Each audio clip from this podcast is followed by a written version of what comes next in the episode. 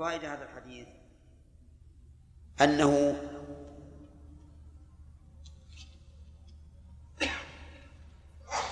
يجب تطهير ما يشك في كونه نجسا. لقول فإن أحدكم لا يدري أين باتت يده. وهذا مبني على على أن التعليل هذا يعني أنه ربما تلوثت يده بنجاسة وهو لا يدري لكن هذا القول ضعيف. ولذلك لما كان هذا التعليل هو الذي ذهب إليه بعض العلماء قال آخرون إن النهي هنا ليس للتحريم وإنما هو للكراهة لأن الأشياء لا لا, لا تنجس بمجرد الظن. ولكن الصواب أن أن معنى قول هذه نبات يده أنه ربما يكون الشيطان قد عبث بها وألقى فيها الأوساخ والأقدار وهو لا يعلم. ومن فوائد هذا الحديث أن فيه إثبات نبوة الرسول صلى الله عليه وسلم. لأن مثل هذا لا يعلم بالحس وإنما يعلم بالوحي. إذا أن هذا حال الإنسان وهو نائم ولا يعلم أحد ماذا يحدث له. ومنها حسن تعليم النبي صلى الله عليه وعلى آله وسلم لأنه ذكر الحكم مقرونا بالعلة. ومنها سلوك جانب الاحتياط لقوله فإن أحدكم لا يدري أين باتت يده. بخلاف الأول الحديث الأول يقول فإن الشيطان يبيت على خيشومه ففيه الجزم لأن الشيطان يبيت على خيشومه أما هذا فيقول فإنه لا يدري أين باتت يده. ففيه إيماء إلى سلوك جانب إيش؟ الاحتياط. وأن الإنسان ينبغي له أن يبتعد عما يحتمل أن يكون فيه مضرة عليه. طيب فإن غمسه فإن غمس يده في الإناء قبل أن يصلها ثلاثة فهل يتغير الماء؟ أو لا يتغير؟ أو يأثم أو لا يأثم. إذا قلنا إن النهي للتحريم فهو آثم. وإذا قلنا للكراهة فليس بآثم. أما الماء فإنه لم فإن النبي صلى الله عليه وسلم لم يتعرض له. والصواب أنه يكون طهورا وأنه لا يتأثر بنجاسة ولا يتأثر بانتقال من طهورية إلى طاهر بل الأصح أنه ليس هناك قسم يسمى طاهرا. وعن لقيط بن صبير رضي الله عنه قال قال رسول الله صلى الله عليه وسلم أسبغ الوضوء وخلل بين الأصابع وبالغ في الاستنشاق إلا أن تكون صائما. أسبغ الوضوء يعني اشمل به جميع الأعضاء التي أمر بتطهيرها لأن الإسباغ مناه الشمول والعموم كما قال الله تعالى وأسبغ عليكم نعمه ظاهرة وباطنة وعلى هذا فهو إشارة إلى الكيفية لا إلى الكمية. أي فلا يدخل فيه تكرار ما يشرع تكراره. تكرار غسل ما يشرع تكرار غسله. وإنما المراد التعميم. فإذا كان المراد التعميم كان الأمر هنا للوجوب.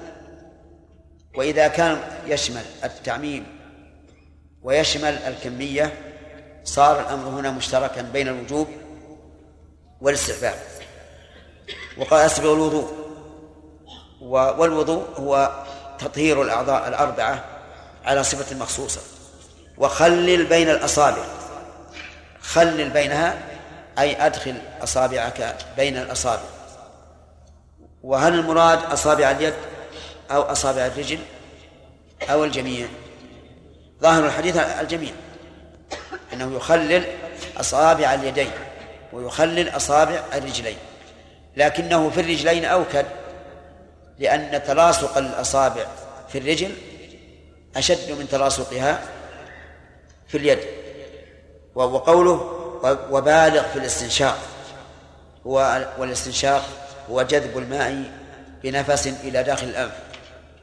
إلا أن تكون صائما. يعني فلا تبالغ.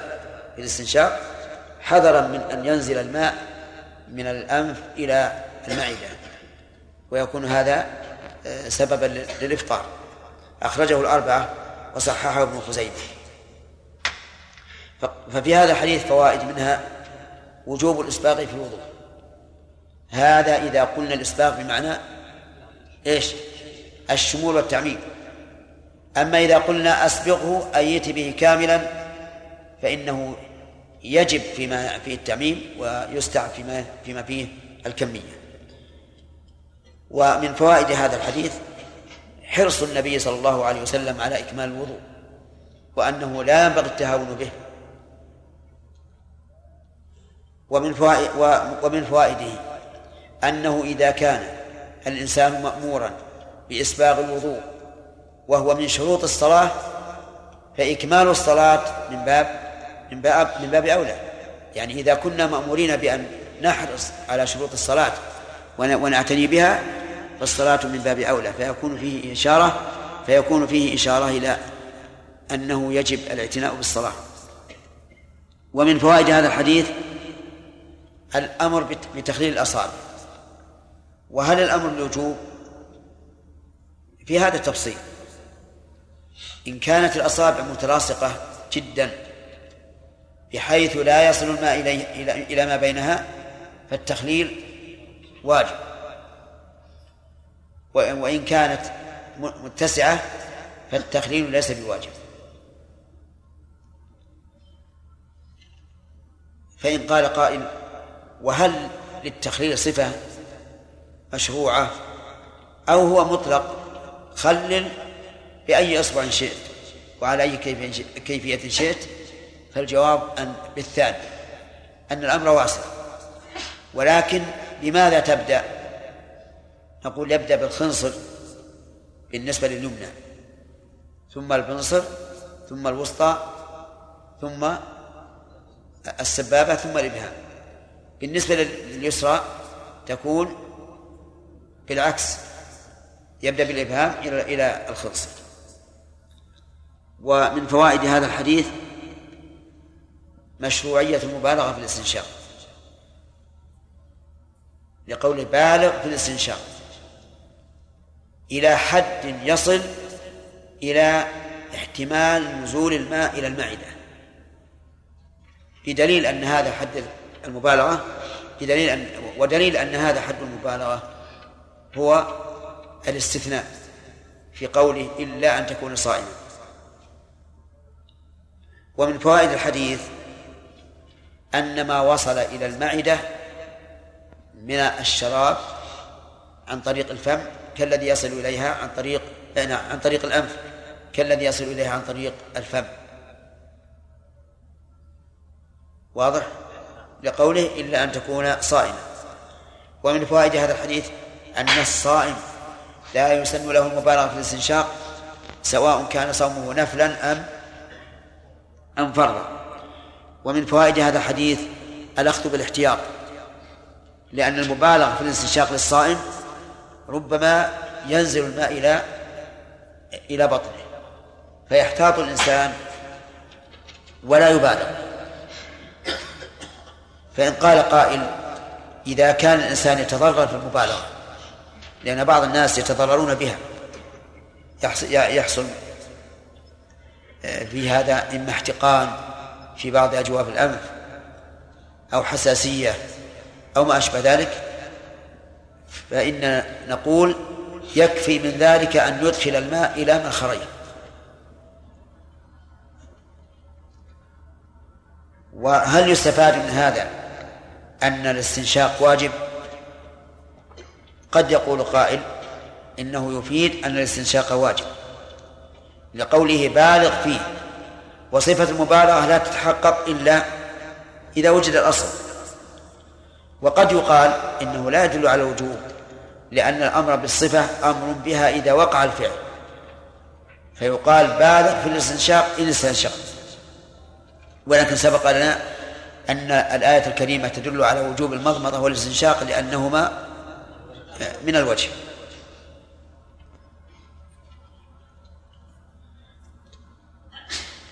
ومن فوائد الحديث أن أمر النبي صلى الله عليه وسلم لواحد من الأمة أمر للجميع.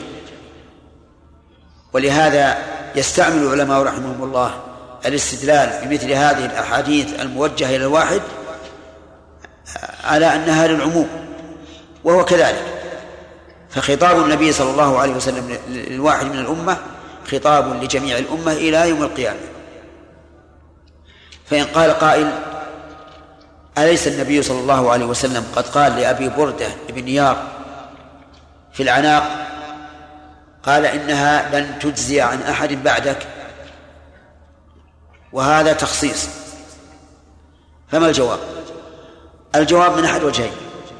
إما أن نقول إن هذا نص النبي صلى الله عليه وسلم على خصوصيته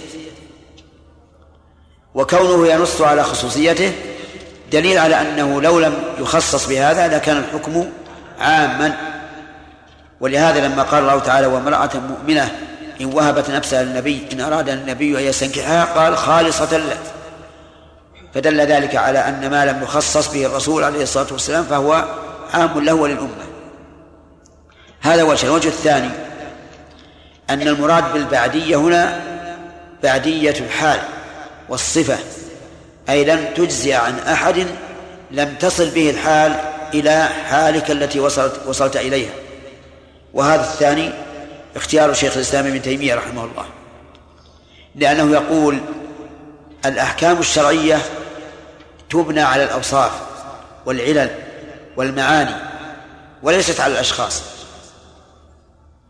لأن الناس عند في حكم الله عز وجل واحد. فلا يخص أحد بعينه لأنه فلان. بل يخص بعينه لأنه نعم بل يخص بوصفه لا بعينه. وما ذهب إليه الشيخ رحمه الله هو الحق أن الشرع لا يمكن أن يخصص أحدا بعينه لأنه فلان بل لا بد من وصف. إذا وجد في غيره ثبت الحكم في حقه.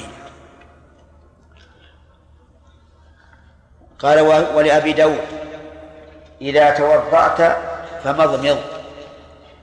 فعلى هذا يكون في حديث لقيط ذكر الاستنشاق وذكر المضمضة. والمضمضة صرح النبي صلى الله عليه وسلم بأن بالأمر بها. إذا توضأت فمضمض. والمؤلف رحمه الله أراد بسياق هذه الأدلة الدالة على وجوب المضمضة والاستنشاق أراد بذلك التأكيد. وإلا فلا شك أن الأنف والفم داخلان في في الوجه. وعن عثمان رضي الله عنه. أن النبي صلى الله عليه وسلم كان أن النبي صلى الله عليه وسلم كان يخلل لحيته في الوضوء. أخرجه الترمذي وصححه ابن خزيمة. اللحية معروفة. هي الشعر النابت على اللحيين على اللحيين والخدين. كما ذكر ذلك صاحب القاموس. وعلى هذا فالعوارض من اللحية. ولا غرابة أن تكون اللحية مشتملة على اسم يعم أجزاء لكل واحد منها اسم خاص. كما نقول اليد الآن فيها الكف فيها الأصابع فيها الذراع فيها المرفق فيها العضد وكل هذه يشملها اسم اسم يد. كذلك أيضا اللحية نقول هي لكل شعر الوجه واللحيين ولا مانع من أن نقول هذا عارض وهذا ذقن وهذا كذا وهذا كذا. لا لا مانع. وإنما أشرت إلى هذا لأن بعض الناس قال إن المراد باللحية الذقن فقط.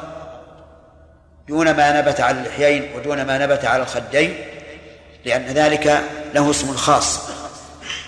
فيقال إنه لا مانع من أن يكون الاسم يطلق على شيء له أجزاء لكل واحد منها اسم خاص. كما ذكرنا لكم. الرأس الآن فيه ناصية وفيه مؤخر وفيه يعني يمين وشمال وهو يطلق عليه اسم اسم رأس. قوله كان يخلل لحيته في الوضوء أي يدخل الماء فيما بين الشعر من أجل أن يصل الماء إلى جميع الشعر. وظاهر الحديث أن النبي صلى الله عليه وسلم كان يخللها مع طولها.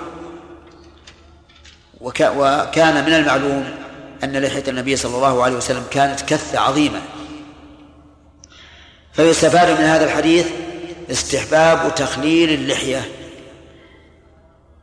ولا نقول وجوب تخليل اللحية لأن ذلك مجرد فعل والفعل لا يدل بمجرده على الوجوب. ومن فوائد هذا الحديث أنه ينبغي تطهير الشعر النابت على محل الفرض. طيب. وأما الشعر الذي دونه كالشعر الذي على الرقبة فلا.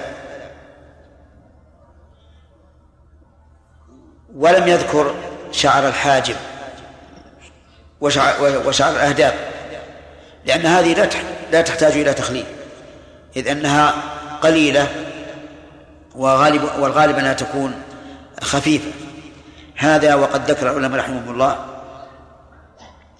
أن الشعر النابت على الوجه ينقسم إلى قسمين خفيف والثاني كثير. فالخفيف هو الذي ترى من ورائه البشرة والكثيف هو الذي لا ترى من ورائه البشرة ثم قسموا تطهير هذا الشعر إلى ثلاثة أقسام. فقالوا أما في التيمم فلا يجب إلا مسح ظاهر الشعر ولا يجب أن يوصل الإنسان التراب إلى داخل الشعر سواء كان التيمم عن جنابة أو كان عن حدث أصغر. وأما إذا كان الشعر خفيفا و... نعم وأما إذا كانت طهارة طهارة جنابه فإنه يجب إيصال الماء إلى الشعر ظاهره وباطنه سواء كان خفيفا أم كثيفا. وهذان متقابلان. التيمم لا يجب مطلقا والغسل من الجنابة يجب مطلقا. وأما الوضوء فإن كان خفيفا ترى من ورائه البشرة وجب إيصال الماء إليه. وإن كان كثيفا لم يجب إيصال الماء إلى إلى باطن الشعر واكتفي بغسل ظاهره ثم اختلف العلماء رحمهم الله في المسترسل من شعر اللحية. هل يجب غسله أو لا يجب؟ إلا ما كان على قدر اللحيين فقط. والصحيح أن غسله واجب. لأنه داخل في عموم الوجه. وقد قال الله تعالى فاغسلوا وجوهكم وأن اللحية وإن طالت يجب في الوضوء أن يغسلها الإنسان.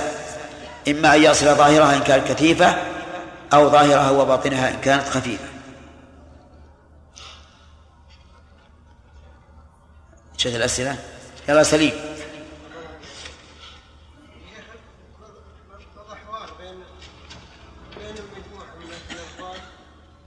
فنزع الخفين من الرجل لو الانسان يصلي وهو كل عليه فيهم من يقول لمن مسح مسحها انسان لمن اخذها انسان من اللي يصلي يتم صلاته وفيه ناس وفيه بعضهم قال قال أن الوضوء ينتقد الصحيح أن الوضوء لا ينتقد بنزع الخف وأن الطهارة باقية لأنه لا دليل على انتقاد الطهارة بذلك. وعلى هذا فلو خلعها وهو يصلي فليستمر في صلاته. ها ولو كان ماسحا. لأنه إذا مسح ثم نقع ثم خلع. ما هو الدليل على أنه ينتقد الوضوء ليس فيه دليل. وقولهم لأن الممسوح عليه قد زال يقال طيب هو زال. لكن المسح هنا طهر القدم. والقدم لم لم تزل لأن هذا المسح على الخف بمنزلة غسل الرجل تماما. وعلى هذا فالقول الراجح أن أن الوضوء لا ينتقض. بخلع الخف ولا ينتقض إلا إذا وجد ناقض جديد كالبول والغائط والنوم وما أشبه ذلك. إيش؟ نعم. ولمن أراد أن على العموم. لا ظاهر العموم حتى لو فرض أن الإنسان ليس عنده ماء وأن فرضه التيمم فليستنثر ثلاثة. ها؟ وكذلك غمسها في الإناء. نقول لا تغمسها سواء كان الماء للشرب أو كان للوضوء. نعم. شيخ أحسن الله إليك. كيفية غسل اللحية المسترسل؟ هل يكتفى بغسل الوجه بماء الذي يغسل به الوجه أو إذا شكك يأخذ لها ماء؟ إذا إذا كان الماء لا يكفي يأخذ لها ماء. لكن في الغالب يكفي إذا قال هكذا يكفي. يصب ويعركها. لا مو مو بلازم.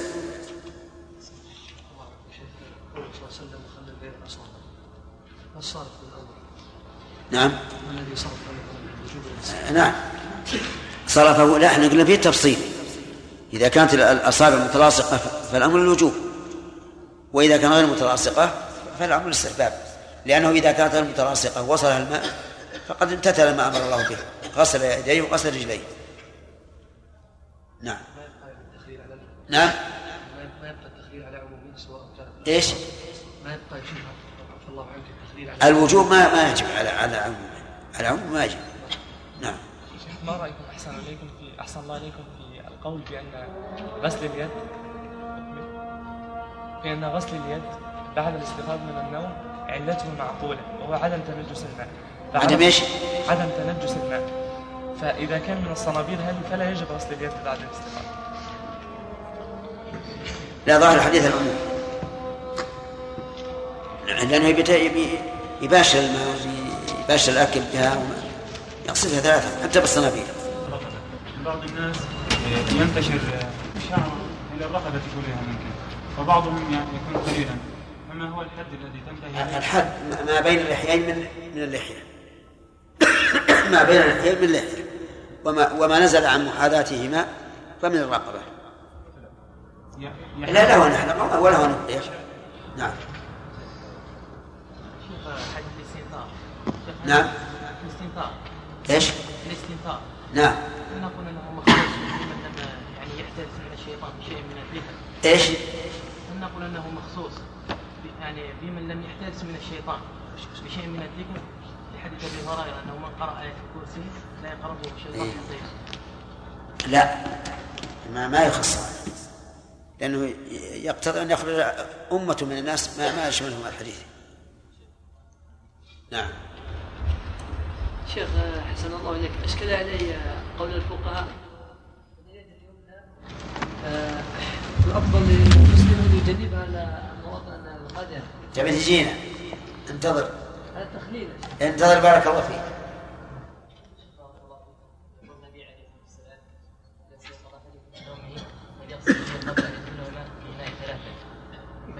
لا يدري أين بات فقال أحد الصحابة أنا أدري أين يدي. فلما نام ربط يده في جراب أو نحوه فلما أصبح وجد يده في دبره ليش؟ في دبره إيه. فلما فلم يستطع أن يزيلها حتى رآه الناس فاشتهر أمره هل هذا صحيح يا شيخ؟ ما جواب نعم نعم نعم هل العفو من اللحية؟ ظاهر كلام القاموس من اللحية يقول لأنه قال شعر الوجه. نعم. نعم. جمهور العلماء يا شيخ على أن المطلقات يتربصن بالحسنى ثلاثة قرون. آه، يدخل في ذلك المختلع لا. لأن الخلع ليس بطلاق. المختلعة تكتفي بحيضة واحدة. نعم. لا تحت يدخل في حد الواجب. بمعنى يجب غسله لا تحتها لا ما يجب. لا ما يجب. لا ما يجب. نعم. إذا بالغ الإنسان في الاستنشاق أو فعل إذا بالغ إيش؟ إذا بالغ في الاستنشاق نعم. أو فعل كل ما يغلب وصوله إلى الجوف أو أو أو فطره به. كالمباشرة ونحوها. فهل يفطر إن فعل ذلك؟ إذا كان قصد هذا لا بأس يفطر. أما إذا كان ما قصد فلا. هو في هذا الحال إذا كان يغلب عليه أنه يفطر قوي المال. لأنه قد يكون وقد لا يكون. لكن إذا غلب على ظنه أنه يصل إلى حد الإفطار فإنه يقوى المال.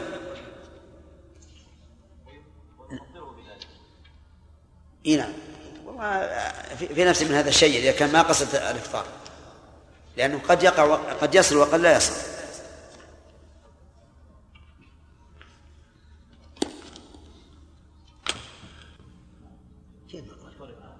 قرئ بارك الله فيك.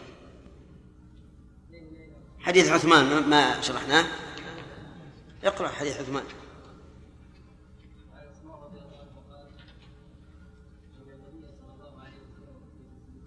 لا.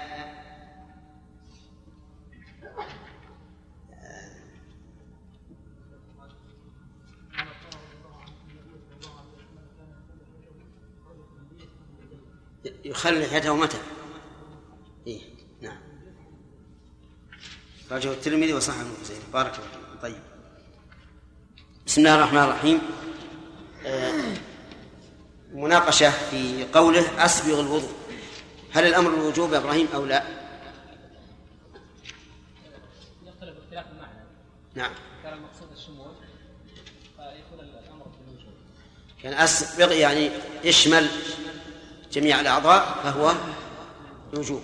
إن كان مراد الكمال فهو الاستحباب. يترتب على هذا أنه يمكن أن يستعمل اللفظ المشترك في معنيين؟ طيب وماذا ترى في هذا القول؟ الراجح. لعله الراجح. صحيح وهو الراجح. الراجح أن الاسم المشترك يجوز استعماله في معنيين لكن بشرط أن لا يتنافيان طيب. آه، لماذا قال إلا أن تكون صائما؟ من يعرف؟ نعم. لا أحسنت. لئلا ينزل ماء من الأنف إلى المعدة فيفسد الصوم طيب. هل يستفاد من هذا الحديث أن الصائم إذا وصل إلى معدته شيء عن طريق الأنف يفطر عليه؟ وجهه. استثنى إلا أن تكون صائما.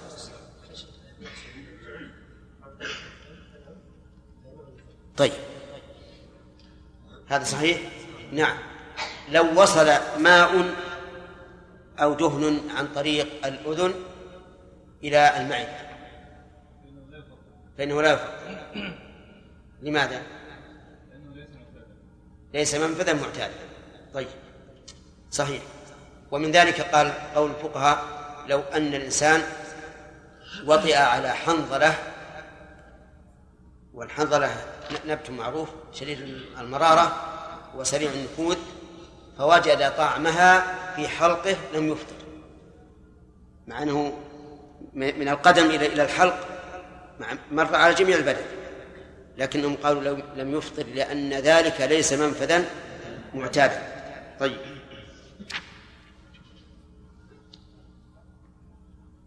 هل يؤخذ من حديث لقيط اتباع الاحتياط؟ كيف ذلك؟ من قوله؟ نعم. فإن هذا من أجل الاحتياط للصوم. طيب. هل يفهم من حديث عثمان أن رسول الله صلى الله عليه وسلم كان ذا لحية؟ نعم. من أين؟ إيش؟ كان بين لحييه بين لحيته. وبين؟ ما حفظت. هذا مما يدل على أنك ما حفظت الحديث. الا ماذا هو؟ ليس هذا لفظ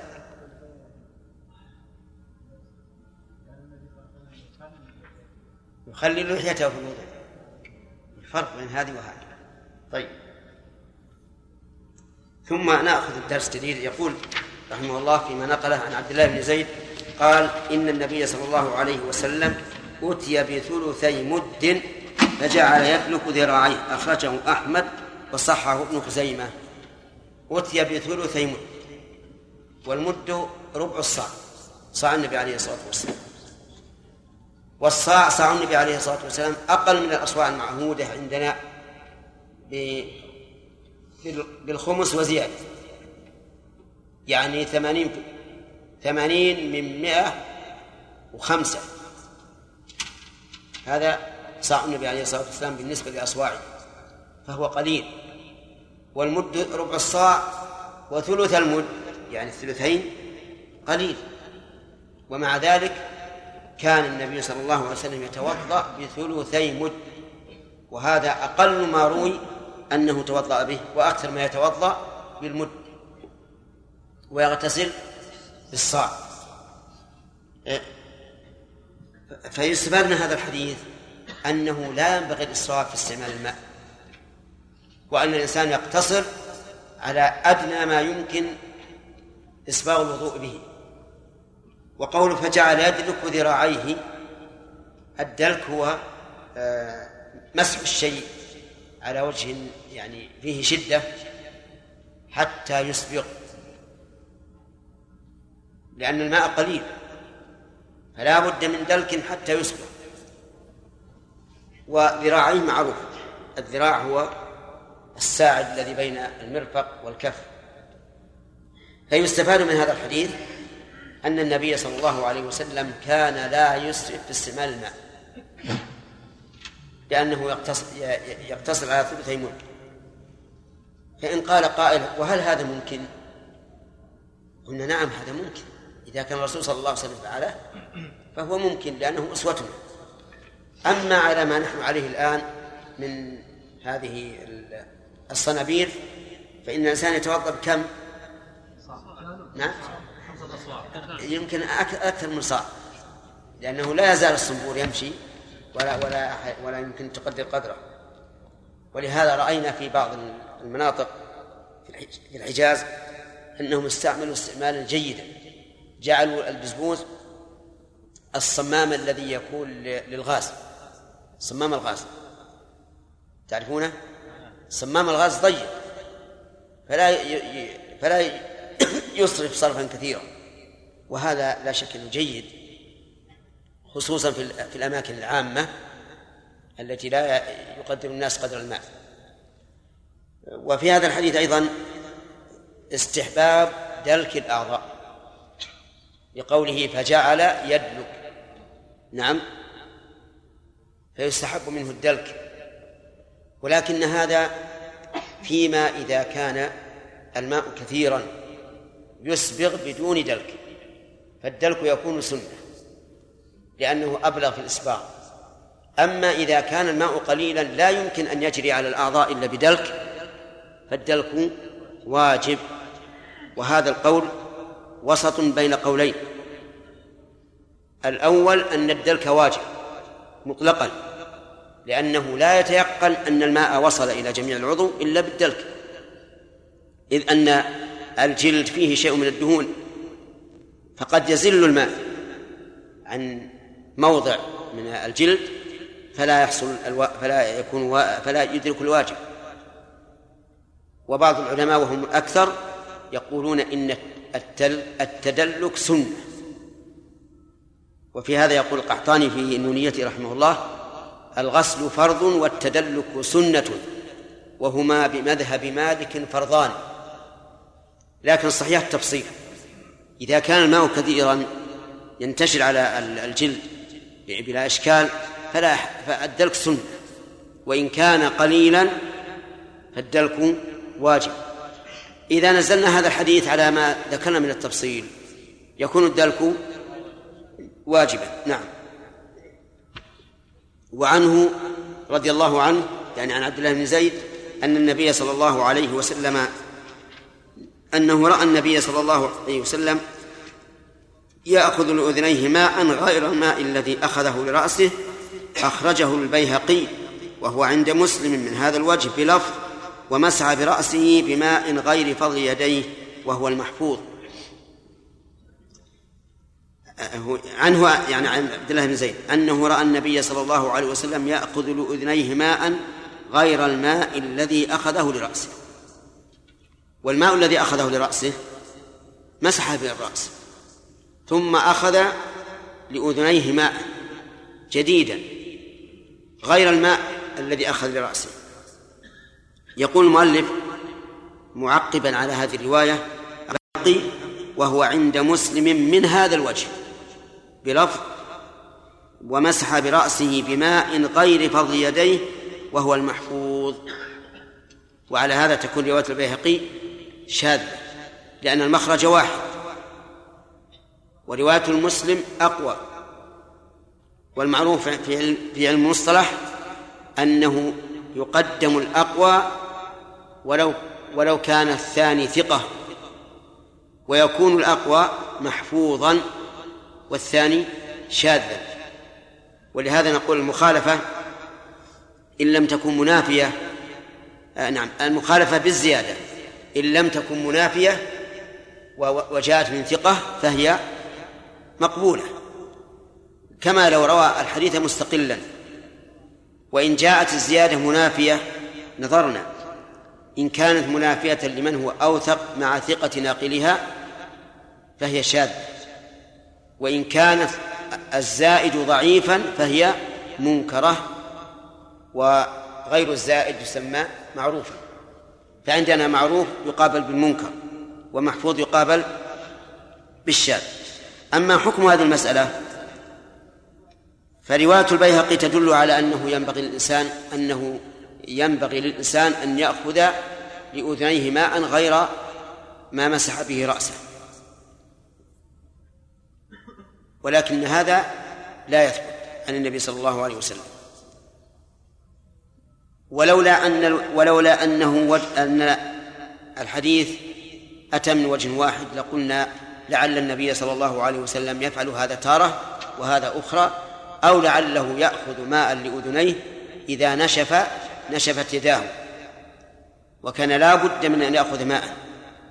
لكن ما دام الوجه واحد ما دام الوجه واحدا والطريق واحدا. وجاءت رواية مسلم أنه أخذ ماء جديدا للرأس دون الأذنين فإنها مقدمة على رواية البيهقي. أخذ الفقهاء رحمهم الله بما دل عليه بما دلت عليه رواية البيهقي وقالوا يسن أن يأخذ ماء جديدا لأذنيه. ولكن هذا القول ضعيف. نعم لو فرض أن اليد يبست نهائيا ولم يكن فيها بلل إطلاقا فحينئذ يحتاج إلى أن يبل بماء جديد لأنه إذا يمسحها بأي شيء إذا يبس.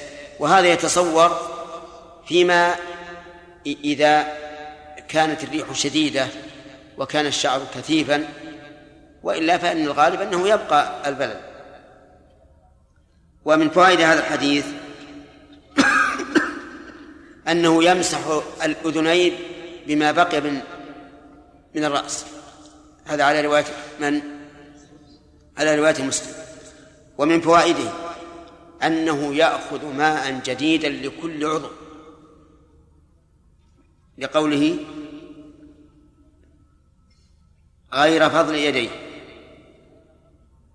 ولكن لو فرض أنه لم يأخذ فهل يصح الوضوء أو لا؟ يعني لو أن إنسانا غسل يديه وبقي بهما بلل ومسح بهما رأسه فهل يجزي أو لا؟ نقول أما على قول من يرى أن الماء المستعمل في طهارة واجبة يكون طاهرا غير مطهر فإنه لا يصح أن يمسح رأسه بالماء الفاضل بعد غسل اليدين لأن هذا الفاضل مستعمل في طهارة واجبة فيكون طاهرا غير مطهر. وأما على القول الثاني أنه لا يك... أنه ليس هناك قسم طاهر غير مطهر فإنه إذا بقي بلل يبتل به الرأس فلا حرج لأن المقصود مسح الرأس وقد حصل. وعن أبي هريرة رضي الله عنه قال سمعت رسول الله صلى الله عليه وسلم يقول إن أمتي يأتون يوم القيامة غرا محجلين من أثر الوضوء فمن استطاع منكم أن يطيل غرته فليفعل متفق عليه واللفظ لمسلم. سمعت يقول إن أمتي يأتون والمراد بالأمة هنا أمة الإجابة لأن الأمة يراد بها أمة الدعوة يعني الأمة التي وجهت إليها دعوة النبي صلى الله عليه وسلم. وهذا يعم جميع الناس. منذ بعث الرسول عليه الصلاة والسلام إلى يوم القيامة. كلهم أمته و وأمة الإجابة وهم الذين استجابوا للرسول عليه الصلاة والسلام. فأمة الدعوة وجهت إليهم الدعوة فمنهم من آمن ومنهم من كفر وأمة الإجابة هم الذين استجابوا. فكل فضل ورد في الأمة أمة النبي صلى الله عليه وسلم فإنه يحمل على أمة الإجابة لأن أمة الكفر ليس لها فضيلة. يقول يأتون يوم القيامة. يوم القيامة يعني يوم يبعث الناس. وسمي يوم القيامة لوجوه ثلاثة. الوجه الأول أن الناس يقومون فيه من قبورهم لله عز وجل. كما قال الله تعالى يوم يقوم الناس لرب العالمين. والثاني أنه يقام فيه العدل لقول الله تعالى ونضع الموازين القسط ليوم القيامة. فلا تظلم نفس شيئا. والثالث أنه يقام فيه الأشهاد. كما قال تعالى إنا لننصر رسلنا والذين آمنوا في الحياة الدنيا ويوم يقوم الأشهاد. يأتون غرا هذه حال من فاعل يأتون وهي جمع أغر والأغر والفرس الذي في وجهه بياض. وقوله محجلين أيضا حال أخرى. لكن التحجيل بياض يكون في في الأرجل في أطرافها. وقوله من أثر من هنا للتعليل. من أثر الوضوء يجوز فيه الوجهان الوضوء أي الماء والوضوء أي الفعل وكلاهما صحيح. هذا لفظ النبي صلى الله عليه وسلم. وفي لفظ إن أمتي يدعون يوم القيامة غرا محجلين ولا منافاة لأنهم يدعون فيأتون يدعون فيأتون. كما قال الله تعالى كل أمة تدعى إلى كتابها. فمن استطاع منكم أن يطيل غرته فليفعل. فمن استطاع فليفعل. وهل يمكن أن يستطيع. يقول ابن القيم رحمه الله إنه لا يمكن إطالة الغرة لأن الغرة بياض الوجه والوجه محدود طولا وعرضا فلا يمكن أن أن أن أن أن, أن تطال الغرة. لو أنه لو أنه خرج بالغسل عن حد الوجه لكان خرج إلى غير الغرة. ولهذا قال في النونية وإطالة الغرات غ... نعم ليس بممكن أيضا وهذا واضح التبيان. فكيف نقول إن النبي صلى الله عليه وسلم تكلم بما لا يمكن؟ الجواب أن هذا مدرج من قول أبي هريرة رضي الله عنه. ولهذا جاءت رواية أخرى لهذا الحديث ليس فيها فمن استطاع.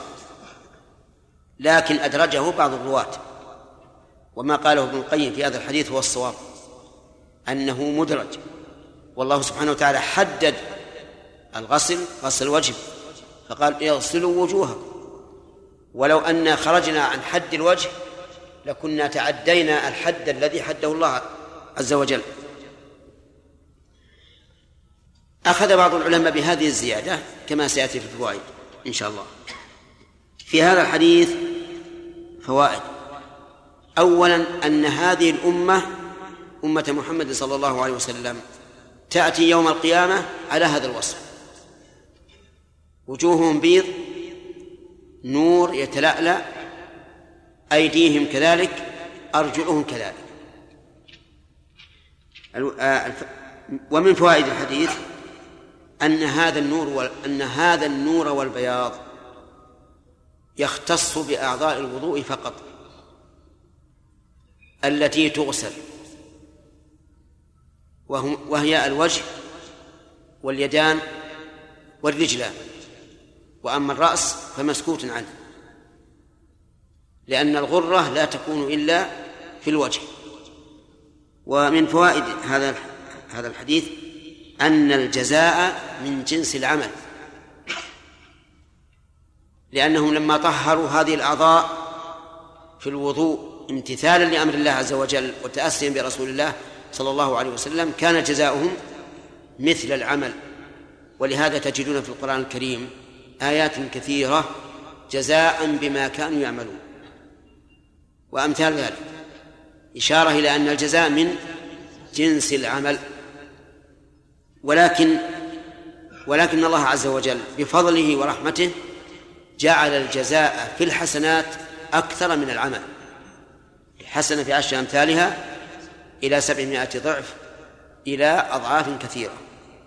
ومن فوائد هذا الحديث فضيلة هذه الأمة حيث تأتي يوم القيامة على هذا الوجه الذي يشهد به الأولون والآخرون. من عمل مضى في حين من الدهر سابق بعيد فيأتون على هذا الوجه جعلنا الله وإياكم منه ففيه فضيلة لهذه الأمة ولهذا جاء في الحديث سيما ليست لغيركم وذكر الحديث. سيما يعني علامة والحمد لله. ومن ومن فضائل ومن فوائد هذا الحديث أن فضيلة الوضوء. حيث كان جزاؤه يوم القيامة ظاهرا بارزا للخلائق. ومن فوائد هذا الحديث على ما ذهب إليه بعض العلماء أنه ينبغي أن يزيد على محل الفرض لتزيد الغرة والتحجيل. وهذا القول ليس له حظ من النظر في هذا الحديث. لأن النبي صلى الله عليه وسلم أخبر بأن الناس يأتون يوم القيامة غرا محجلين من أثر الوضوء والوضوء محدد في القرآن. يغسلوا وجوهكم وأيديكم إلى إلى المرافق. يعني لو أن الإنسان خرج وزاد إلى نصف العضد أو إلى الكتف ما كان ما كان للوضوء محل إذ أن الوضوء محدد بالمرافق. وفي الرجلين محدد بإيش؟ بالكعبين. فلا نقول توض إلى الركبة لأن الوضوء محدد. فالحديث لا يقتضي الزيادة ولا يدل على فضيلة الزيادة. وبهذا نعرف أن قوله فمن استطاع منكم إلى آخره مدرج ولا يستقيم. لكنه قد ثبت عن أبي هريرة رضي الله عنه أنه توضأ. فغسل يديه حتى أشرع في الأرض وغسل رجليه حتى أشرع في الساق. وقال هكذا رأيت النبي صلى الله عليه وسلم يفعل. وهذا مرفوع. لكن هل إشراعه بالعضد إشراع زائد أو على قدر ما يتأتى به الفريضة الفرض؟ هذا هو الثاني هو المتعين. لأنه لا يمكن أن أن يجزم بأنه غسل المرفق إلا إذا إيش؟ غسل بعض العدو. وكذلك في الكعبين. لا يمكن أن يتيقن أنه غسلهما إلا إذا شرع في الساق. وما ذكرناه هو ما اختاره ما اختاره شيخ الإسلام ابن تيمية رحمه الله أنه لا تسن الزيادة على موضع الفرض في الوضوء. وعن عائشة رضي الله عنها قالت كان النبي صلى الله عليه وسلم يعجبه التيمم في تنعله وترجله وطهوره وفي شأنه كله. يعجبه أي يسر. وهل الإعجاب الذي هو السرور والاستحسان شرعي أو طبعي؟ قد يكون شرعيا وقد يكون طبيعيا فكون النبي صلى الله عليه وسلم يعجبه الحلوى والعسل هذا شرعي أو طبعي هذا طبع وكون يعجبه التيامن هذا شرعي لأنه هو صلى الله عليه وسلم أمر به وقال ألا فيمنوا ألا فيمنوا. إذا يعجبه يعني يسره ويستحسنه. التيامن يعني الأخذ باليمين في تنعله أي في لباس النعل. إذا أراد أن يلبس أن يلبس النعل بدأ باليمين. وكذلك في ترجله. إذا أراد أن يرجل شعر رأسه بدأ باليمين.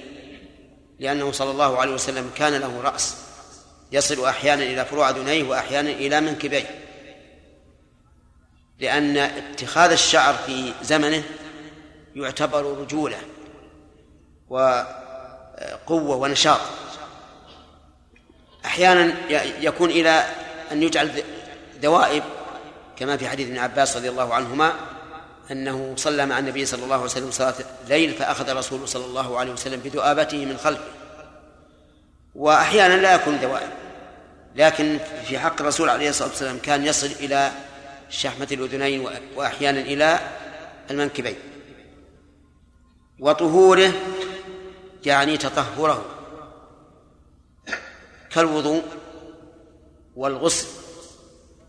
إلا في العضو الواحد فإنه يبدأ به جميعا. كالرأس مثلا فإنه لا يبدأ بصفحته اليمنى قبل اليسرى. اللهم إلا أن يقال إذا كان ليس له إلا يد واحدة فربما نقول ابدأ باليمين. وفي شأنه كله في شأنه أي ما يهمه من أمور الدين والدنيا يبدأ باليمين. ففي هذا الحديث أن الرسول عليه الصلاة والسلام كان يحب التيامن في في شأنه كله ونصت على ثلاث أشياء التنعل والترجل والطهور. ولكن هذا الحديث ليس على عمومه قطعا. ليس على عمومه أن في كل الشؤون تقدم اليمين.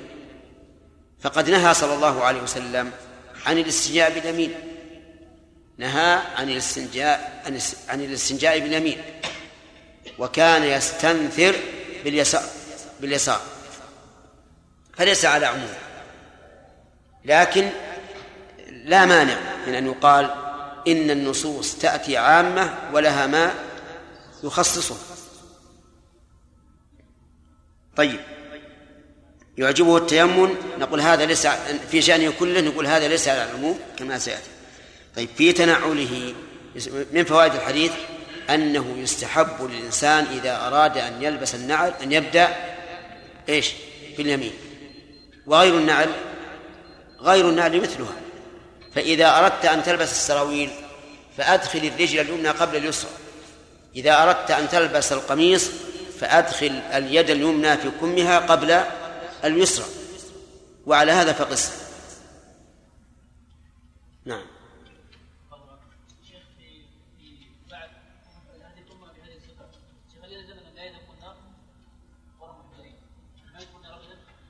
لا ما يلزم ما يلزم ان لا تكون نار نعم.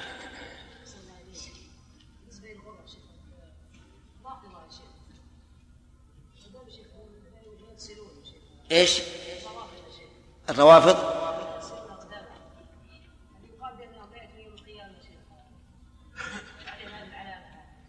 لا شك إنه إذا كان إذا كانوا هذا عن قالوا هذا عن اجتهاد فهم كغيرهم من الناس. أما إذا كانوا قالوا ذلك عن عناد ومخالفة إلى السنة فإنهم يحرمون من تحجيل الرجلين نعم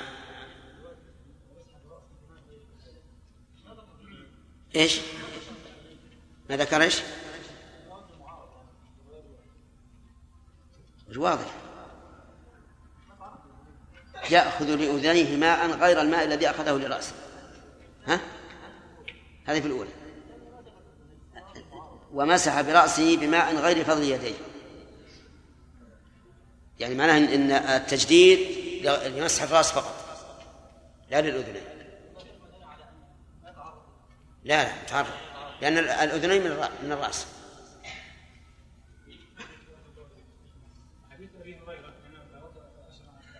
نعم.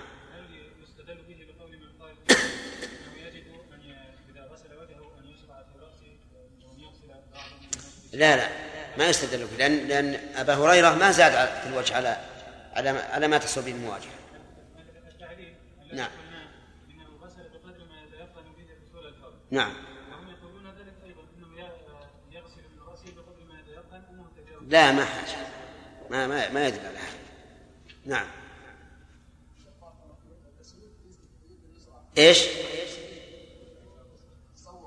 التسوق؟ هو على كل حال ما كمل الحديث.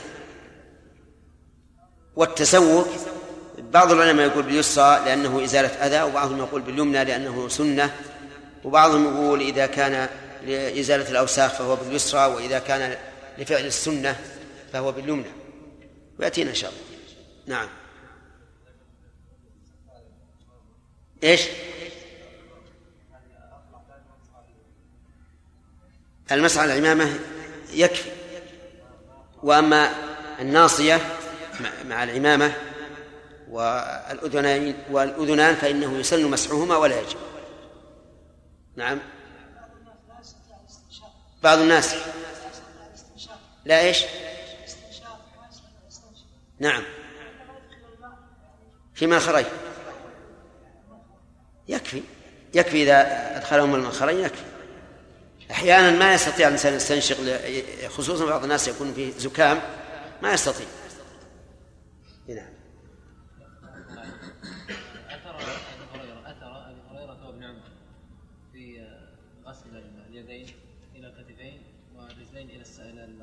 الا يشهد بأن يعني بأن هذا سنة لا سيما ابن عمر ومتابعته للنبي صلى الله عليه وسلم. صح الحافظ. بارك الله فيك. إذا جاء الحديث عن الرسول عليه الصلاة والسلام لا تعارضه بأي شيء أبدا. وابن عمر وهو راوي الحديث النهي الأمر بإعفاء اللحية كان يأخذ من لحيته إذا حج أو اعتمر. وقد ذكر ابن القيم في إعلام الموقعين رحمه الله نحو عشرين موضعا مما خالف فيه الراوي ما روى فيحسن أن تراجعوه. نعم يحيى. الذين يأتون إلى النبي صلى الله عليه وسلم والملائكة. النبي صلى الله عليه وسلم يقول أمتي أمتي. إيش؟ النبي صلى الله عليه وسلم يقول أمتي أمتي. أي نعم ويقال إنهم قد بدلوا بعدك. نعم. هل هؤلاء يأتون غرا محجلين يعني؟ والله ما أدري. الله أعلم يحتمل هذا وهذا. يحتمل أن الذين بدلوا إن, إن هم إن ارتدوا على على أعقابهم كفرا فلا شك أنهم ما, ما يدخلون في هذا. وأما إذا كانوا ارتدوا على أعقابهم دون الكفر فالظاهر أنهم يأتون على هذا الصفة. نعم. الله عليك شيخ هل يقال أن لبس الساعة والخاتم يكون في اليمين أفضل من اليسار؟ لا. الخاتم كان الرسول يتختم باليمين وباليسار. مع أن ما جاء ما جاء فوائد الحديث هذا. دعوه لأن فيه بحث كثير. نعم. بارك الله فيكم. إذا زاد الثقة إذا. إذا زاد الثقة زيادة لا تخالف غيره. لكن كان المخالفون أكثر. نعم. وأحفظ منه. نعم. ما تسمى هذه زيادة فيؤخذ بها. يؤخذ بها لكنها ما هي إلى إلى إلى إلى هذه القوة. ومن ذلك إنك لا تخلف الميعاد في دعاء الأذان. أكثر الرواة حذفوها. وزادها من زادها وهو ثقة. وكذلك أيضا في التشهد أشهد أن لا إله إلا الله وحده لا شريك له وأشهد أن محمدا عبده ورسوله. بعض الثقات زاد وحده لا شريك له. لكن لكن لا شك إن كون الأكثر يخالفها لا سيما في الأمور التعبدية كالأذكار يقتضي أن تكون شاذة. لأن الأمور التعبدية يبعد إن الرواة يحذفون شيئا ثابتا عندهم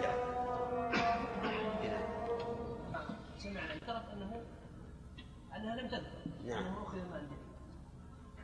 يعني هذه رواية مسلم قصد. إيه. نعم.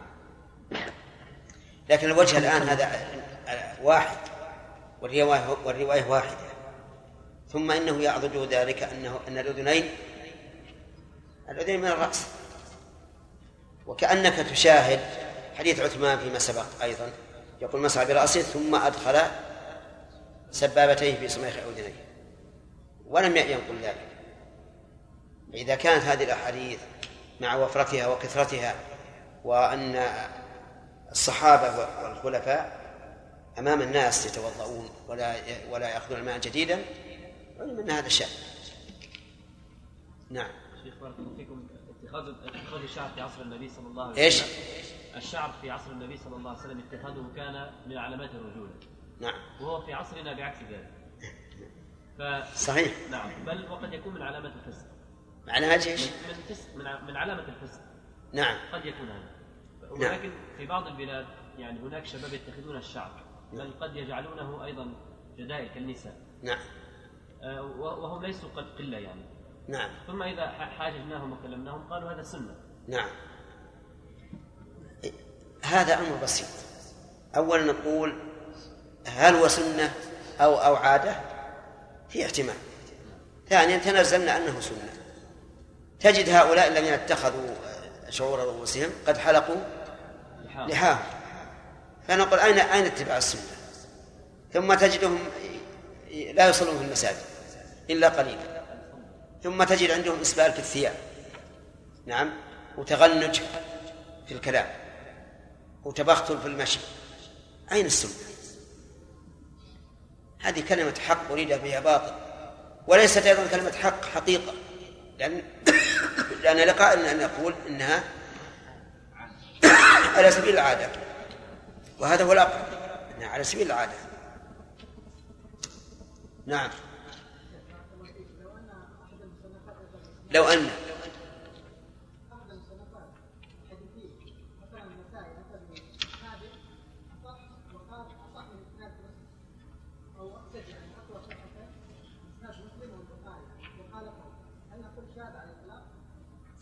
والله ما ما أدري وش تقول ولا الكلام طويل لكن ما أدري وش تقول. لو أن لو أن أحد المصنفين قل. نعم.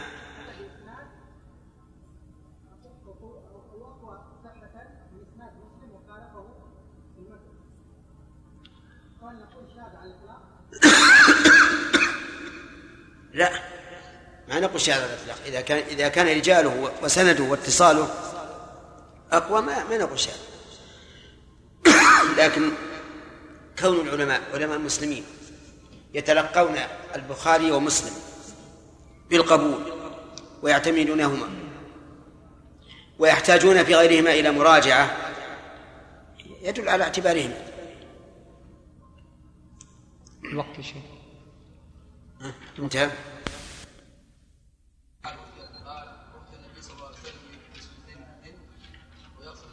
فجعل يدلك. طيب. نعم.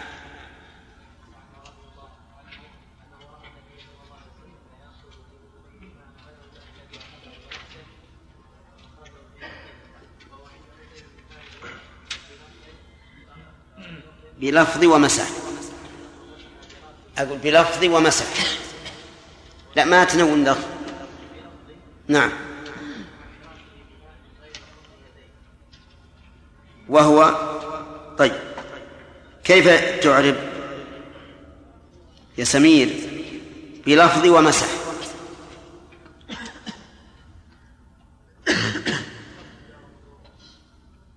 بلفظ جر ومجرور. وهو مضاف. ومسح برأسه. بماء غير فضل يديه مضاف إليه يعني مضاف إلى الجملة بلفظ ومسح. نعم. بلفظ مضاف ومسح إلى آخره مضاف إليه. لأنه لأنه أريد بها اللفظ يعني بهذا اللفظ. نعم.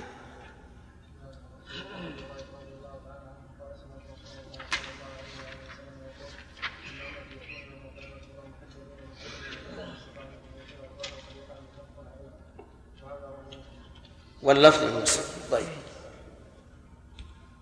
نعم.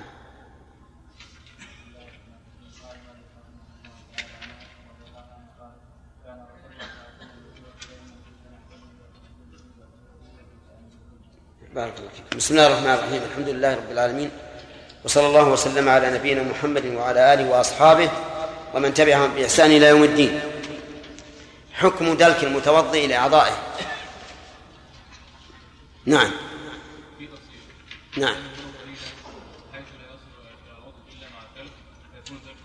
كان أحسن.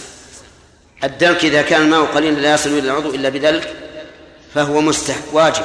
وإن كان كثيرا يصل إلى العضو بدون دلك فهو مستحب. هذا هو هذا التفصيل والصواب. طيب. هل الأفضل الإكثار من استعمال الماء طلبا للنظافة والنزاهة أو التقليل. نعم. إي نعم. السؤال هل الأفضل أن يقلل الإنسان من استعمال الماء في الطهارة أو أن يكثر؟ الإقلال. أحسنت. الدليل؟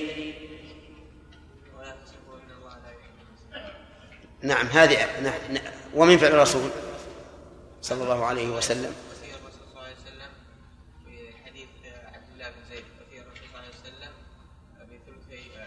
مد. يتوضأ به فجعل يدلك ذراعيه بارك الله فيك. طيب.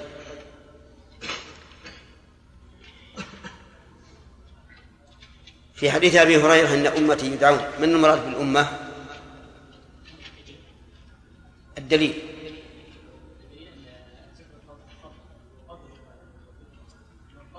أن من لم يجب من هذه الأمة فليس له فضل. وثوابه باطل يعني عمله باطل. في رواية يدعون وفي رواية يأتون.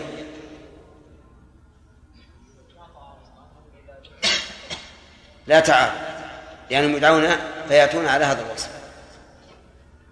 ما الفرق بين غرا ومحجلين؟ عبيد الله. الغرة تكون في الوجه. والتحجيل في الأيدي والأرجل طيب. كيف نعرب من من أثر؟ في المعنى يعني. ما حضرت؟ نعم عبد الله. السببية. يعني من سبب الوضوء. طيب الوضوء تقرأها بالواو أو بالفتح أو بالضم؟ لا تقرأ الحديث الآن. الوضوء أو الوضوء؟ ولا يجوز الوضوء؟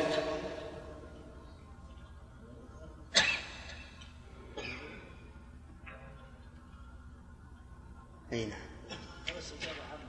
الظاهر أنك ما حضرت. ما كنت حاضر. يجوز الوجهان الوضوء أي الماء الذي يتوضؤون به. والوضوء الفعل. حديث عائشة رضي الله عنها كان النبي صلى الله عليه وسلم يجوب التيمم في تناوله وترجه وطهوره وفي شأنه كله. هل قوله في شأنه كله عامة؟ شأنه كله. مؤكد بكل.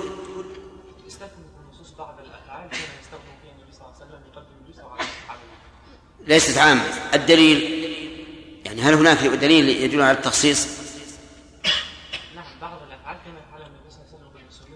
مثل. ها.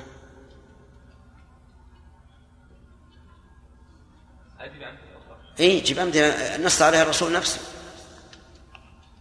أي نعم لا يستنجي أحدكم نهى النبي صلى الله عليه وسلم ان يستنجى لا يتمسح من الخلاء بيمينه. ونهى أن يستنجى باليمين. كذا؟ طيب. صحيح. كذلك أيضا أمر بالتك... بالتكبير. يعني بأن يبدأ بالأكبر وذلك فيما إذا لم يكن هناك يمين ويسار. فإنه يبدأ بالأكبر. فمثل الرأس عضو واحد ما فيه يمين ويسار لأنه عضو واحد.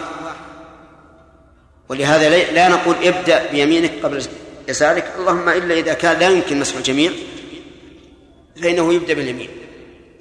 كذلك أيضا إذا إذا كان معك ماء وأمامك رجال ليسوا على يمينك ولا عن يسارك.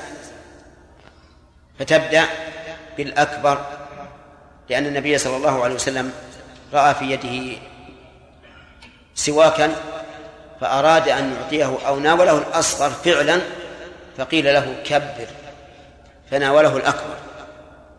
قال العلماء وهذا فيما إذا لم يكن هناك يمين ويسار. واضح؟ أما إذا كان يمين ويسار بأن يكون أحدهما عن يمينك والثاني عن يسارك فهنا تبدأ باليمين ولو كان أصغر. هل في حديث عائشة ما يدل على أن الرسول صلى الله عليه وسلم يتخذ الشعر نعم من أين؟ لأنها ذكرت الترجل والترجل لا يكون إلا إلا في الشعر طيب ما هو الترجل؟ تسريح الشعر ودهنه وإصلاحه طيب نأخذ الفوائد من الحديث. أخذنا فوائد أظن. ها؟ واحدة؟ نعم بسم الله الرحمن الرحيم. نأخذ الفوائد حتى نبدأ بالدرس الجديد إن شاء الله تعالى. قال كان النبي صلى الله عليه وسلم يعجبه التيمم في تنعله. يستفاد من هذا أن النبي صلى الله عليه وسلم كان يحب التيمم. لأن الإعجاب هنا بمعنى المحبة والسرور. نعم. ومن فوائده تقديم اليمين على اليسار. لقول يعجبه التيمم. قال العلماء رحمهم الله إلا في مواطن الأذى والقدر فتقدم اليسرى. وأخذوا هذا الاستثناء من نهي النبي صلى الله عليه وسلم عن الاستنجاء باليمين والتمسح بها. و وعلى هذا فاليمنى فاليسرى تقدم للأذى واليمنى لما سواه. هذه القاعدة. والأشياء ثلاثة أقسام. أذى ونزاهة ولا أذى ولا نزاهة. تقدم اليمين في موضعين. في النزاهة وفي إيش؟ وفي ليس بأذى ولا نزاهة. لفضلها. أما ما فيه أذى وقدر فإنه تقدم له له اليمنى. يا اليسرى. طيب. السواك هل يبدأ بيمين فمه أو بشمال أو بشماله؟ نقول يبدأ بيمين الفم. لدخوله في قوله وطهوره أو في قوله وشأنه كله. وهل يمسك السواك باليمنى أو باليسرى؟ قال بعض العلماء يمسكه باليسرى مطلقا وقال بعضهم باليمنى مطلقا وفصل آخرون. فمن قال باليسرى قال إن إن السواك آلة تنظيف وآلة تطهير فهي كالحجر يستجمر به الإنسان. والحجر الذي يستجمر به الإنسان يأخذه بإيش؟ باليسار فيستاك باليسار. وهذا هو المذهب عندنا عندنا عند الحنابلة أنه يستاك بيده اليسرى. وقال بعض العلماء بل باليمين لأن السواك عبادة. لقول النبي صلى الله عليه وسلم السواك مطهرة مرضاة للرب مطهرة للفم مرضاة للرب. فهو عبادة.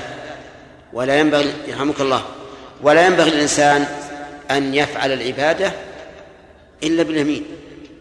ما يفعلها بآلة القدر. وفصل آخرون فقالوا إن كان السواك لتطهير الفم فيأخذه باليسار. كما لو كان بعد الأكل بعد النوم بعد تغير الفم تغير رائحته رائحته فيكون باليسار. وإذا كان لمجرد لمجرد التطوع فهو باليمين كما لو توضأ الإنسان واستاك ثم جاء إلى الصلاة فورا فهنا الفم لا يحتاج إلى تطهير لكنه يستاك عند الصلاة تسننا وتعبدا لله عز وجل فيأخذه باليمين. ولو قيل إن الأمر في هذا واسع وأن الإنسان إن شاء باليمين وإن شاء باليسار لم يكن بعيدا لأن هذه علل قد لا يستطيع الإنسان أن يجزم ببناء الحكم عليها. فنقول الأمر واسع. أما البداء في الفم فيبدأ باليمين جانب الأيمن. طيب. ومن فوائد هذا الحديث جواز التنعل. جواز التنعل. لأن النبي صلى الله عليه وسلم كان قبل الترجل قلنا فيه استحباب الشعر اتخاذ الشعر. لكن هل هو نعم. هل هو سنة عبادة أو سنة عادة؟ قال الإمام أحمد رحمه الله هو سنة. لو نقوى عليه اتخذناه ولكن له كلف ومؤونة. كلف ومؤونة كلف بالعمل. مؤونة بثمن. الدهن ونحوه. الإمام أحمد رحمه الله ترك اتخاذ الشعر لهذا وإلا فهو, فهو سنة عنده. وقيل إنه سنة عادة وأن الناس إذا اتخذوه عادة فلا ينبغي للإنسان أن يخرج عن عادتهم وإن لم يتخذوه فلا ينبغي أن يخالف عادتهم. وهذا عندي أقرب لأن النبي صلى الله عليه وسلم لم يأمر به. بل قال في الغلام الذي حلق بعض رأسه قال احلقه كله أو اتركه كله. ومن فوائد هذا الحديث أنه ينبغي للإنسان أن يعتني بنفسه في النظافة. وجهه أن النبي صلى الله عليه وسلم كان يرجل شعره. وهذا لا شك أنه تنظيف آه أنه تنظيف له. فالذي ينبغي للإنسان أن لا يكون أشعث أغبر بل يصلح من شعره ما استطاع إصلاحه لما في ذلك من النظافة والتجمل. والله سبحانه وتعالى جميل يحب الجمال. وأما أن يبقي نفسه رثا كريه المنظر فهذا ليس من من الأدب الإسلامي. الأدب الإسلامي أن يكون الإنسان متجملا كما قال الصحابة رضي الله عنهم يا رسول الله إن أحدنا يحب أن يكون ثوبه حسنا ونعله حسنا فقال إن الله جميل يحب الجمال. ومن فوائد هذا الحديث جواز التنعل لأن النبي صلى الله عليه وسلم كان يتنعل. لكن هل الأفضل التنعل أو أو الحفأ؟ أو في ذلك تفصيل؟ نقول أما إذا كان الإنسان سيمشي على أرض تضره فلا شك أن أن التنعل أولى بل قد يكون واجبا لأن الله تعالى قال ولا تقتلوا أنفسكم كما لو كانت الأرض ذات حصى له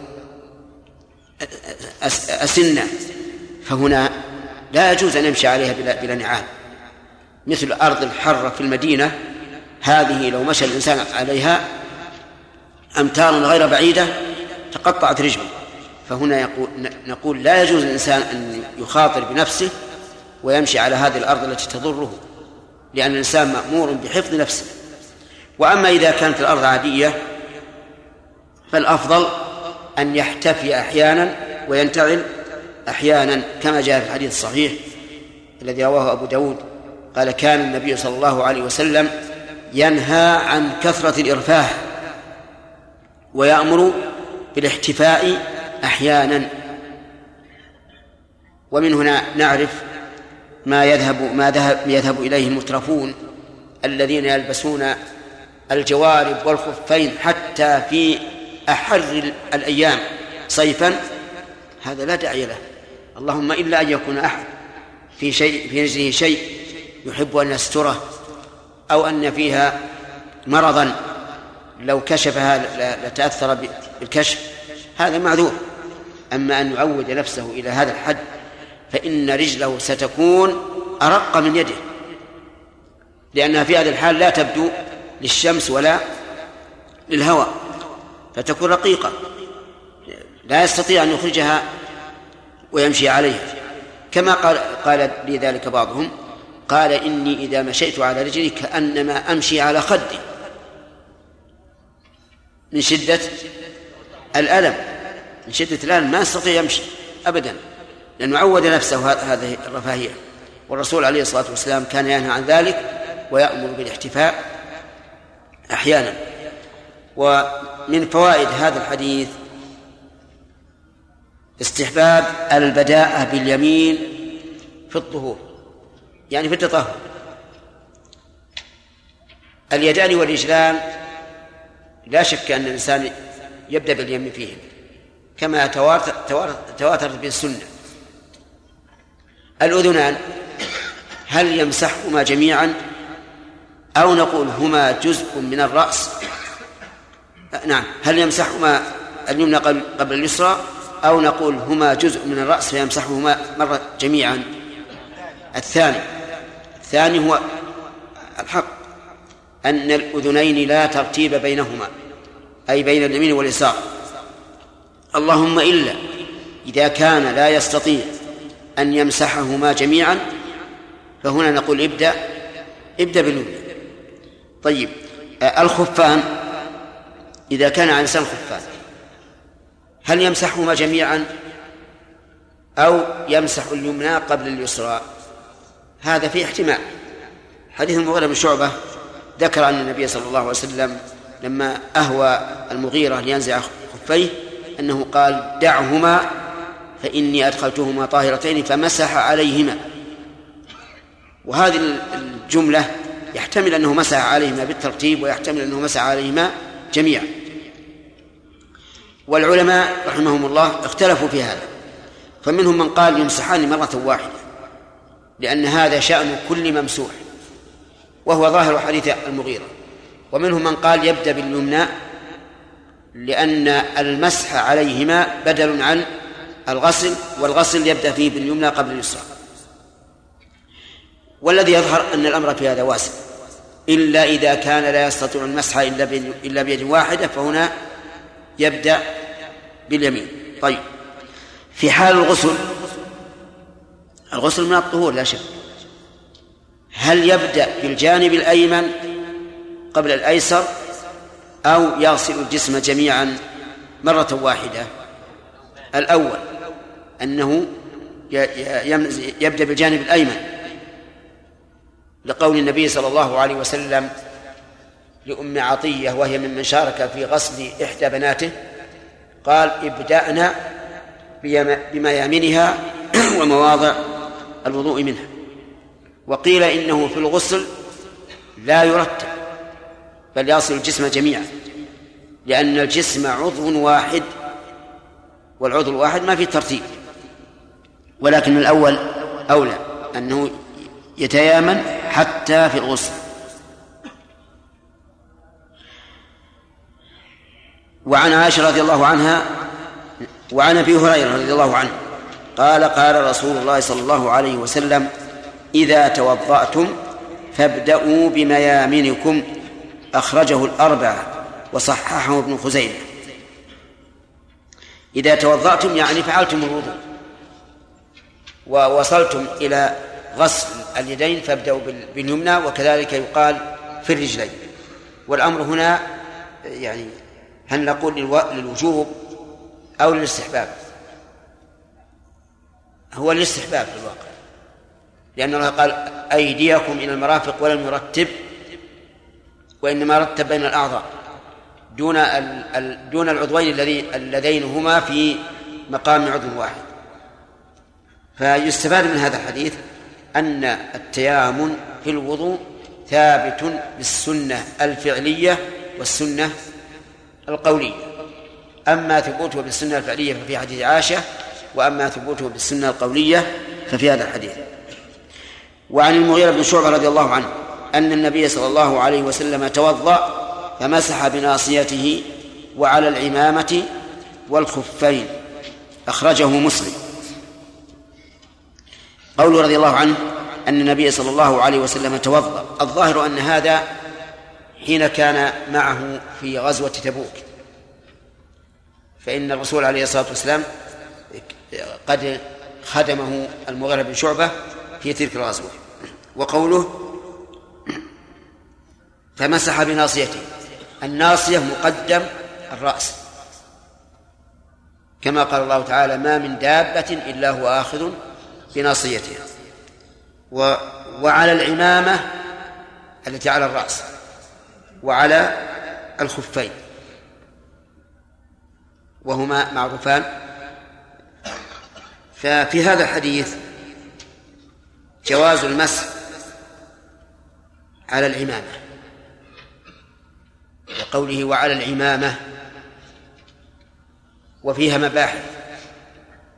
المبحث الأول هل يشترط لهذه العمامة أن تكون على صفة معينة أو نقول كل ما صدق عليه اسم العمامة فإنه يمسح؟ في هذا قولان الأول أنه يشترط أن تكون العمامة محنكة أو ذات ذؤاب. أما كونه محنكة فمعناه أن يوضع أن يوضع لفة منها تحت الحنك حتى تثبت. وأما كونها ذات ذؤابة فأن ترخى إحدى ذؤابتيها من الخلف. حتى تنسدل على الظهر. ومن العلماء من قال إن ذلك ليس بشرط. وهذا الثاني هو الصحيح وهو اختيار الشيخ الإسلام ابن تيمية رحمه الله. وهو أن كل ما يطلق عليه اسم الإمامة فهو داخل في هذا. ثانيا هل يشترط أن تكون طاهرة؟ الجواب نعم لا شك في هذا. لأن النبي صلى الله عليه وسلم أتاه جبريل وهو يصلي وأخبره أن في عليه أذى قدرا أن في عليه قدرا فخلعهما عليه الصلاة والسلام. وإذا كان هذا شرطا في في الخفين فالعمامة مثلهما أو أولى. وهل يشترط أن تكون مباحة بحيث لا يصح المس على عمامة مسروقة أو مقبوضة بعقد فاسد؟ نعم. قولان الأول أنه لا بد أن تكون مباحة. وذلك لأن المسح عليها رخصة والرخصة لا ينبغي أن تستباح بالمعصية. والقول الثاني أن ذلك ليس بشرط وأنه يجوز أن يمسح الإنسان على عمامة محرمة كالمسروقة والمقبوضة بعقل فاسد والحرير على الرجل.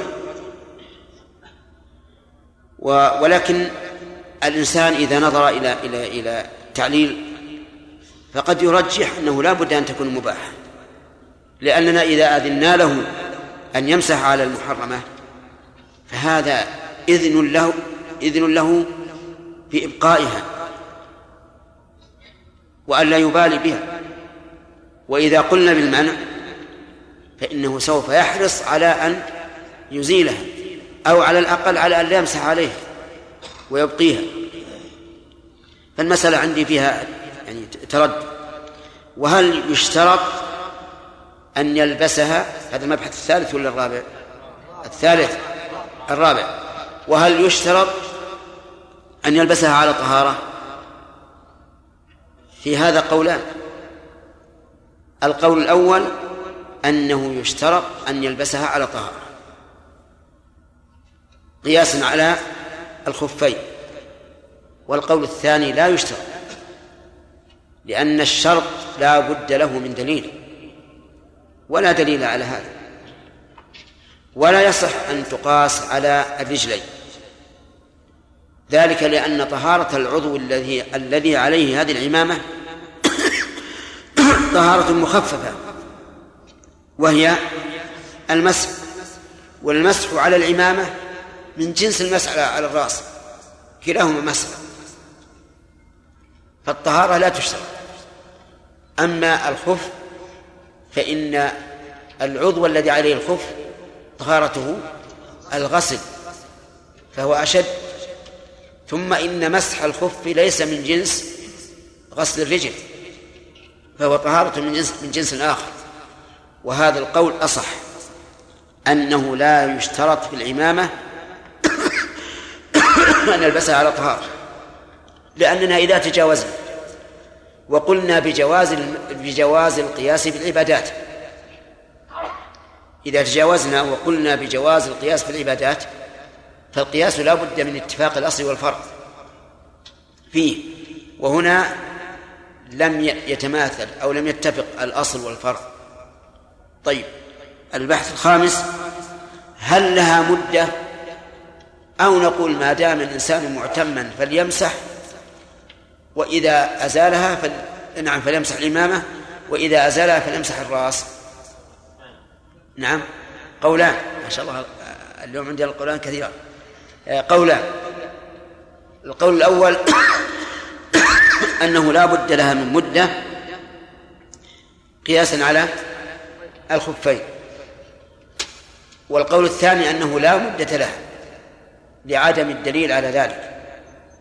ولو كانت المدة من شريعة الله لبينها النبي صلى الله عليه وسلم.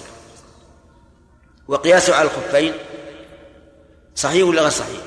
غير صحيح كما علمتم وعلى هذا فنقول ما دمت لابسا للعمامة فامسح عليها. وإذا خلعتها فامسح على الرأس. وليس هناك توقيت. البحث السادس هل يجوز المسح عليها في الجنابة في الغسل يعني. الجواب لا. لا يجوز المسح عليها في الغسل. لقول الله تعالى وإن كنتم جنبا فاطهروا. وليس في طهارة